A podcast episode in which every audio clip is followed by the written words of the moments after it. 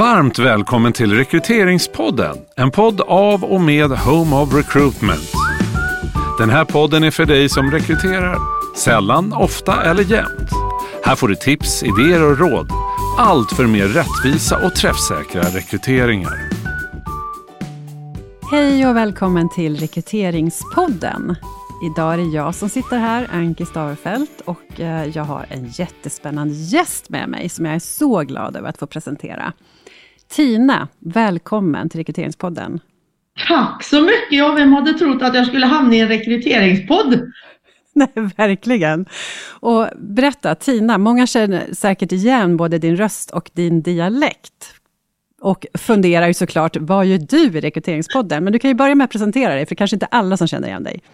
Tina Turner, ja, jag är ju född och uppvuxen i Värmland och det hörs ju på dialekten. Den har jag inte sudda bort på något sätt, men det är väl för att prata så många andra språk så att det har inte blivit stört. Men jag har ju då under 30 år tävlat i rallysport i olika discipliner och har varit där, en kan säga 10 år i rally, VM-rallysammanhang och fått vinna tre VM-titlar som kvinna och sen då i rally raid med Dakar som hög, högst liksom mål varje år under 10 års tid eh, som jag har tagit två världscupsegrar i tillsammans med män då. Så att eh, ja, jag har fått blandad valör och de senaste, sen 2015 har jag varit race director för ett eh, världens största CSR-projekt när det gäller trafiksäkerhet och sänka CO2-utsläppen när en kör bil. Och framför allt det som är roligast med det här mästerskapet, det är att du tävlar mot dig själv med din egen bil och kör för klimat och att det också har fått en status i FIA som ett mästerskap. Så att eh, enormt stolt för att eh, motorsporten går i bräschen just för också trigga tävling genom att bidra till det högre syftet. Men det har varit lite min grej och det sålde jag ju in där till dem, men det har varit mycket kämpat för att få igenom det. Men nu då? Ja. Nu! Exakt, för nu är det ju så här att, ja, vad gör en kartläsare och eh, i, i rekryteringspodden, men det är ju så här att du och jag träffades ju faktiskt för några månader sedan, eh, när du gick en utbildning inom HR, och i den här utbildningen så ingick det då en kurs i kompetensbaserad rekrytering som jag höll i. Och där träffades vi. Så att idag så gör du ju faktiskt någonting helt annat. Du har ju ditt engagemang fortsatt förstås, inom den här, äh, din gamla värld. Men vad gör du idag, i det liksom dagliga vardagen? I min dagliga vardag nu, och det kan jag ju tacka covid för, för att det var ju när covid slog till och jag hade ju 280 resdagar och träffade motorklubbar runt om i världen i över 144 länder och så, och så bara helt plötsligt så blev det noll resdagar och vad ska jag göra nu och allting blev digitalt. Och framförallt, jag alltid, alltid älskar utbildning och förkovra mig. Och eh, då öppnas ju möjligheten upp, tack, tack kan man väl säga till just covid, att då utbildningar lades ut digitalt och att den fick, behövde inte vara närvarande. Så då hoppade jag på då personalvetare och HR-utbildningen som FEI har och eh, där har jag gått förut på olika utbildningar och känner att ja, men det passar mig, det, den stilen. Och det här med coaching, ledarskap och framförallt allt det här att jobba med människor har ju varit mitt mitt starkaste vapen i motorsporten som har gjort att jag har blivit den kartläsaren som har blivit eftertraktad. För jag jobbar inte bara med mig själv, inte bara med chauffören, men med hela team och få växtkraft hos dem. Och använt olika verktyg. Så det här med rekrytering har ju vi inom sporten gjort på helt annat sätt. Så det blev ju lite, när vi då hade utbildningen tillsammans så var det ju många nya insikter jag fick att vi hade gjort det på ett sätt som egentligen var kompetensbaserat fast vi aldrig hade sett det på det sättet och väldigt ofta jobba nerifrån isberg och samtidigt som vi jobbar på toppen. Så det var många roliga uh, utbyten vi fick. Ja, verkligen. Och idag så jobbar du faktiskt med rekrytering, eller hur? Ja, och genom då när vi skulle läsa annonser och se hur det här gick tillväga så var vi, vi ute och googlade på nät och testade med CV och robotintervjuer och än det ena och än det andra för att få de här olika nyheterna i, i rekrytering.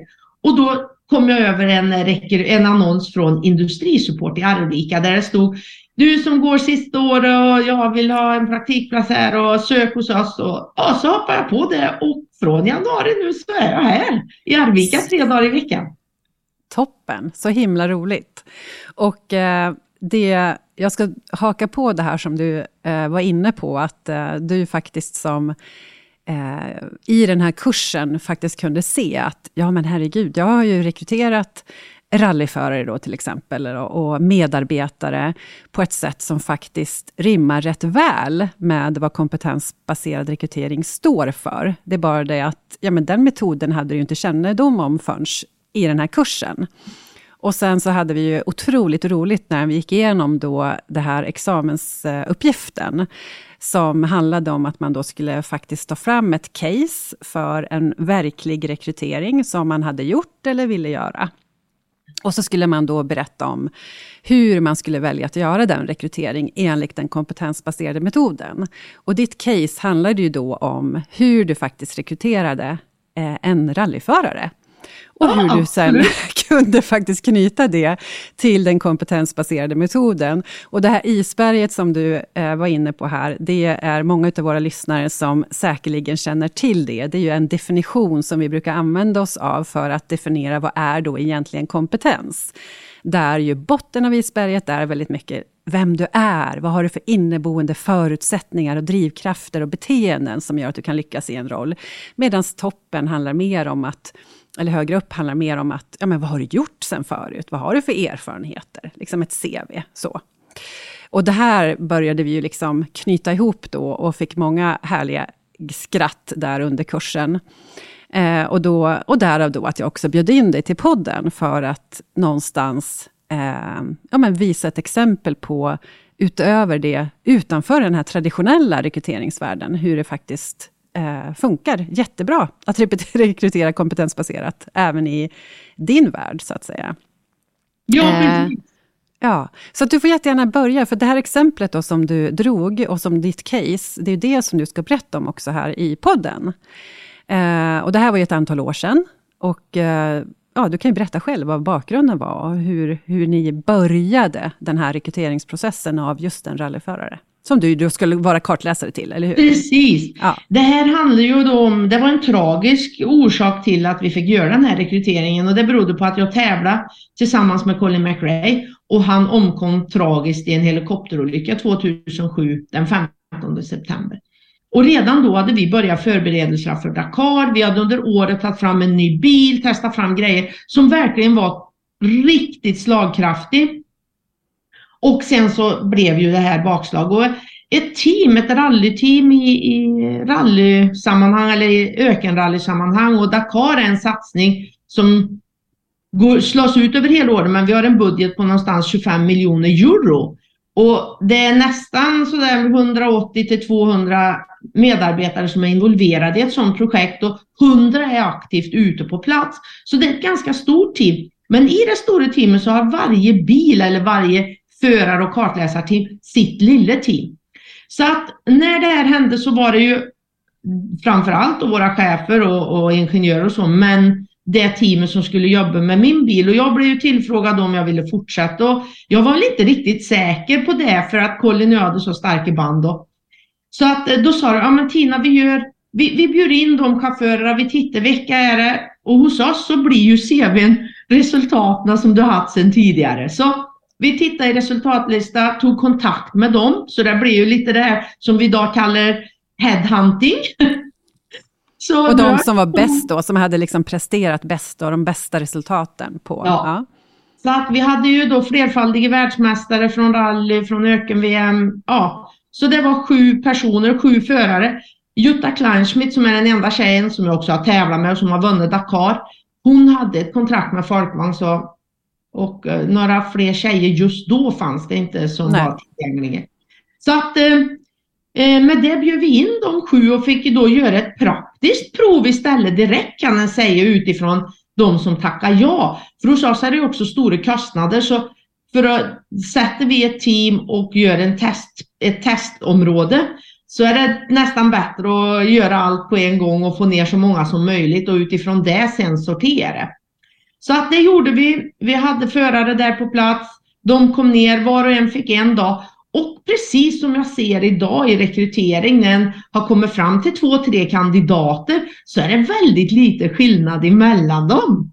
Mm. Eh. Så att de här sju som var liksom världens bästa eh, mm. bjöds ner till Frankrike om jag minns ja, rätt. Ja, Frankrike, det stämmer. Ja. ja. Och så, det här blev ju någon form av arbetsprov kan man säga. Ja. ja. Och en förare hade en hel dag tillsammans med dig och teamet. Ja. Och fick eh, genomföra, ja man förkörde förstås. Eh, ni mätte, ni gjorde en massa olika bedömningar under den här dagen. Så varje ja. kväll satt du och teamet och tittade igenom, vad har den här personen presterat under dagen? Olika typer av detaljer och sådär, som jag förstår. Jag kan ju inte alls den här sporten, men jag förstår men att det är superkomplext. Utifrån mitt insamlade tillvägagångssätt, så du, det känns tryggt. Så att, eh, och du pratade ju, när vi pratade tidigare så sa du det att ja, men man kan ju se att de har olika körstilar och det kan man jämföra med lite grann en slags attityd, hur man är ja. som person så att säga. Eh, och vissa bilar passar vissa chaufförer bättre. För det är ja. många detaljer som det här, för alla är ju superbra förstås. Ja, så det, nu är det detaljer det handlar om. Mm. Så att ni hade sju dagar, varje mm. kväll satt ni och gick igenom då, antar jag, hur det hade gått. Ja, jajamän. Och, och sen, sen innan ja förlåt, fortsätt. Jo, men sen så blev det ju också så att då när vi satt där, så, och när det är så liten skillnad och en kan faktiskt se, ja men det här, så kommer en ju ner till personkemin för att vi jobbar ju i lag 260 till 280 dagar om året vi jobbar inte bara 8 timmar, vi jobbar 10, 12, 16, 20 timmar om dagen, 7 dagar i vecka, 3, 4, 5 veckor på raken så här. Så att det blir ju extrem påfrestning så en behöver ha den här känslan att vi är också superbra kompisar och det vet vi allihopa. Vi, vi jobbar så mycket med coaching och ledarskap och utveckling för hela teamet. Så att alla vet att det är var och ens bidrag som skapar arbetsmiljön och tilliten där. Så att det känner jag ju nu när jag kommer i den här världen, eller har kommit till den här världen. Att eh, är det någonting någonting som jag känner skulle behövas mer ute på företag. Just det här att en jobbar på arbetsplatsen när den har fått att ta fram det bästa och coachar varann. Eh, det känns som att den, den eh, länken saknas. Eh, alltså människor ska komma, vi ska prestera och vi ska göra det. Och sen så är det ingen investering mer i det. Ja, du kan gå vidareutbildningar och hit och dit, men just på arbetsplatsen med ditt arbetslag skapa den här arbetsmiljön det känner jag en stor deficit på, på företag och just när jag sitter och får höra också de som har varit ute och jobbat och letar nya jobb, varför de letar nya jobb. Mm. Så att, eh, där har vi mycket från sporten som vi kan bidra med, absolut. Ja. Och som du kan bidra med såklart i din nya roll förstås. Och jag tänker, eh, den här processen då, du sa ju det, att ja, men då kanske det var två till tre som någonstans stack ut lite grann. Men det var ändå inte så att ni valde någon av de här sju som på, från början var liksom headhuntade och, och fick göra de här arbetsproven, eller hur? Nej, och det, det, kommer nog, och jag vet hur, jag såg i ögonen på min chef hur det bara liksom, det, det flashade från till mig. För då, när vi hade gjort det här och alla var bra och det är världsmästare så, här, så säger jag bara så här, ja, vet ni vad, jag, jag hade inte roligt med någon. Alltså jag hade inte kul. Alltså det var ingen som hade glömt ögat. Colin och jag hade ju också en väldigt extremt samarbete på ett roligt sätt. Men när en har haft den typen av arbetsmiljö och vet hur bra det bidrar så vill en ju ha det igen. Ja, och det fanns och, inte riktigt där. Nej, nej, och det fanns inte där. Och de var så ja ah, men du får lära känna dem och det är ju professionellt och ni gör ju era jobb och bla bla bla. Och jag bara så ja ah, men då får ni nog ta en annan kartläsare för att då är inte jag rätt liksom. Mm. Och nu fick de ju panik, det är bara två månader kvar till Dakar och så förlorar kartläsaren och, och jag vet att jag har haft en stark ställning på grund av att jag jobbar så mycket med växtkrafter som jag säger hos alla och, och samarbete och så här. Så, ja, men sa de, om du fick välja då, ta någon bara liksom, säger min chef och, och ingenjörerna var med, ja det spelar ingen roll, ta den som du tycker du har mest roligt ihop med liksom. Mm. Och så sätter jag där på kammaren och, och känner, och då, det som är kanske viktigast och det jag frågar kandidater också, vad är ditt varför? Vad är ditt varför? Varför vill du vara här? Vad vill du få ut av det här? Vad ska det hjälpa dig till din next, next, next level in your own life? Liksom? Och alla bara så här, varför? det har ju blivit en ny fråga som var på de här dagarna. Uh, ja, ja, varför? Ja, varför? Och, men jag är så tydlig med mitt varför och då sa jag det, vet ni vad? Nelson Mandela sådde ett frö hos mig och sa Tina, vet du att sport, det är det bästa, det övervinner allting, all politik, glöm det. För att sport kan, det är gränslöst, människor spelar ingen roll, färg, färg, form, kultur, för allt liksom. Har vi roligt tillsammans, älskar vi sporten, ja då står vi bakom det laget eller team eller i, i så, då säger så sporten jag, kan det övervinna väldigt mycket helt ja, enkelt? Ja. Så att, eh, och där hamnade jag och så sa jag att du, om jag fick välja och ni säger att jag får välja, då skulle jag vilja. Det finns en chaufför som alla skrattar åt och jag tror han har en oändlig potential. Hans engelska är inte så bra. Eh, och då tänkte jag att, jag menar vi har ju vunnit pokaler och jag känner inte stå överst på prispall nu efter, du vet, då hade jag gjort 15 år i motorsport och sådär. Tänkte jag, det skulle vara roligt att göra något mer, mervärde. Vi gör något som också hela teamet kan ställa sig bakom. Vi kan coacha, vi kan leda, vi gör det här bra i sättet liksom. Och så säger jag, jaha, alla står som frågetecken. Nasser Al-Attiyah från Qatar säger jag så här. Och jag ser ju på alla.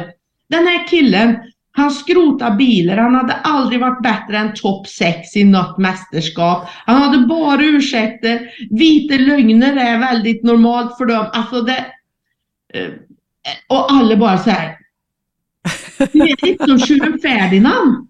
Alla bara, nej men vad är hon helt större? Och det är ju så roligt det här du berättar Tina, eftersom att eh, ingen av de här topp sju, som är ju såklart super, super proffsiga och duktiga, men du såg inte riktigt det här eh, glimten i ögat, eller du fick inte den här känslan som du ville ha tillsammans med den här personen. Och eh, kom ju på då att du skulle istället ta kontakt med den här Nasser, som alla blev helt chockade över att du ville köra med honom, som inte hade då rätt CV, så att säga. Det vill säga, hade inte presterat på, på det sätt som de här andra sju faktiskt hade gjort. Men du såg ju någonting annat hos honom uppenbarligen. Du såg en attityd, du såg en vilja, du såg ett why, antar jag. Plus en massa andra saker som vi kommer in på alldeles strax. Och det gjorde ju då att jag, jag kände att ja, men honom testar vi liksom. Och när, vi, när, vi, när jag skulle ringa till honom så var det också så han fattade ju ingenting. Ja hejsan hejsan, här är Tina Turner. Och han bara okej. Okay. Och hans engelska var inte så här, jaha. Alltså skulle du kunna tänka dig att tävla tillsammans med mig och du får ett fabrikskontrakt hos BMW? Det var tyst och tyst liksom. Ja, ah, han visste inte. Du måste låta mig tänka i en vecka. och det är inte många som säger nej till ett fabrikskontrakt. Eh, men i alla fall, det jag inte visste då, det är ju att deras familj har så stor betydelse i det här och framförallt visste han ju att han skulle tävla med en kvinna och det var många saker i hans kultur som ja, det här från Mellanöstern, Qatar. Ja. Mm, gick i clinch med. Så han hade först pratat med sin mamma som då gav hans välsignelse och sen så emiren, alltså den som styr Qatar, och jag tror, hade det inte varit för Sheikh Amosa som är Altanis tredje hustru som har också bra utbildning, jättebra och jobbar för förändring. Ehm, så att vi fick den här välsignelsen och kunde åka tillsammans. Och sen blev det en riktig framgång och vi blev historiska, och, äh, historiska i Mellanöstern, tävla, utveckla, media följde det här har verkligen hjälpt till att det är mer kvinnor i sporten, acceptans för kvinnor. Alltså, det är helt annan jargong där idag och har påverkat mycket i Mellanöstern. Men för att komma tillbaks till det här då, om vi säger utifrån rekryteringen och tänker, nu tog ju jag någon från botten på isberget som du förklarade för förut och attityd och stämning och sen hade jag en tillit i mitt team. Att mm. när vi har bestämt oss, då har vi bestämt oss som en enhet. Då är det ingen som håller på, vad var det jag sa eller bla bla bla. Därför att vi har jobbat så mycket med coaching vi är ett team där och då. Och har vi då beslutat oss för det här, ja men då ska han coachas fram. Även om det var mycket extra arbete och jag kan säga det var ingen som klagade. Alla ville, vi hade roligt. Vi hade ju de här kvällsmötena som vi alltid har, feedbacken, stölligheterna som blev. Du vet, alltså det var så mycket runt omkring som också hjälpte våran cement och jag tror utifrån min erfarenhet med människor när människor får hjälpa varann och ser någon växa så finns det inga pengar i världen som kan betala det. För den mm. inre tillfredsställelse som en får när en ser att en har hjälpt någon eller blir tackad för att du har bidragit. Eh, det har jag aldrig sett någon som har liksom kunnat omsätta i pengar på det sättet utan det är ren och skär glädje. Ja, otroligt och det har mycket värt. Ja, och det har varit starkare än någonting annat.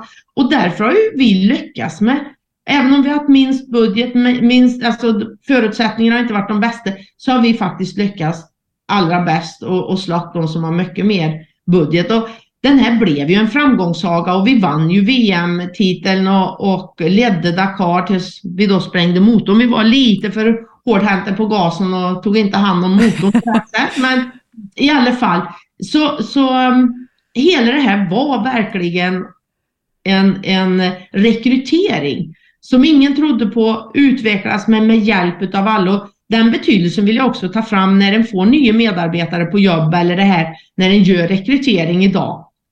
Jag är ju en stor förespråkare för den inre potentialen för människor mm. kan ändra sig och utvecklas. Men en behöver få rätt coaching och, och, och där känner jag väl att det har vi i sporten när vi får nya kollegor. Och det är väl eh. en jättebra poäng här, tänker jag, att du, du såg ju hans, Nassers potential, att det fanns någonting där som det fanns att bygga på.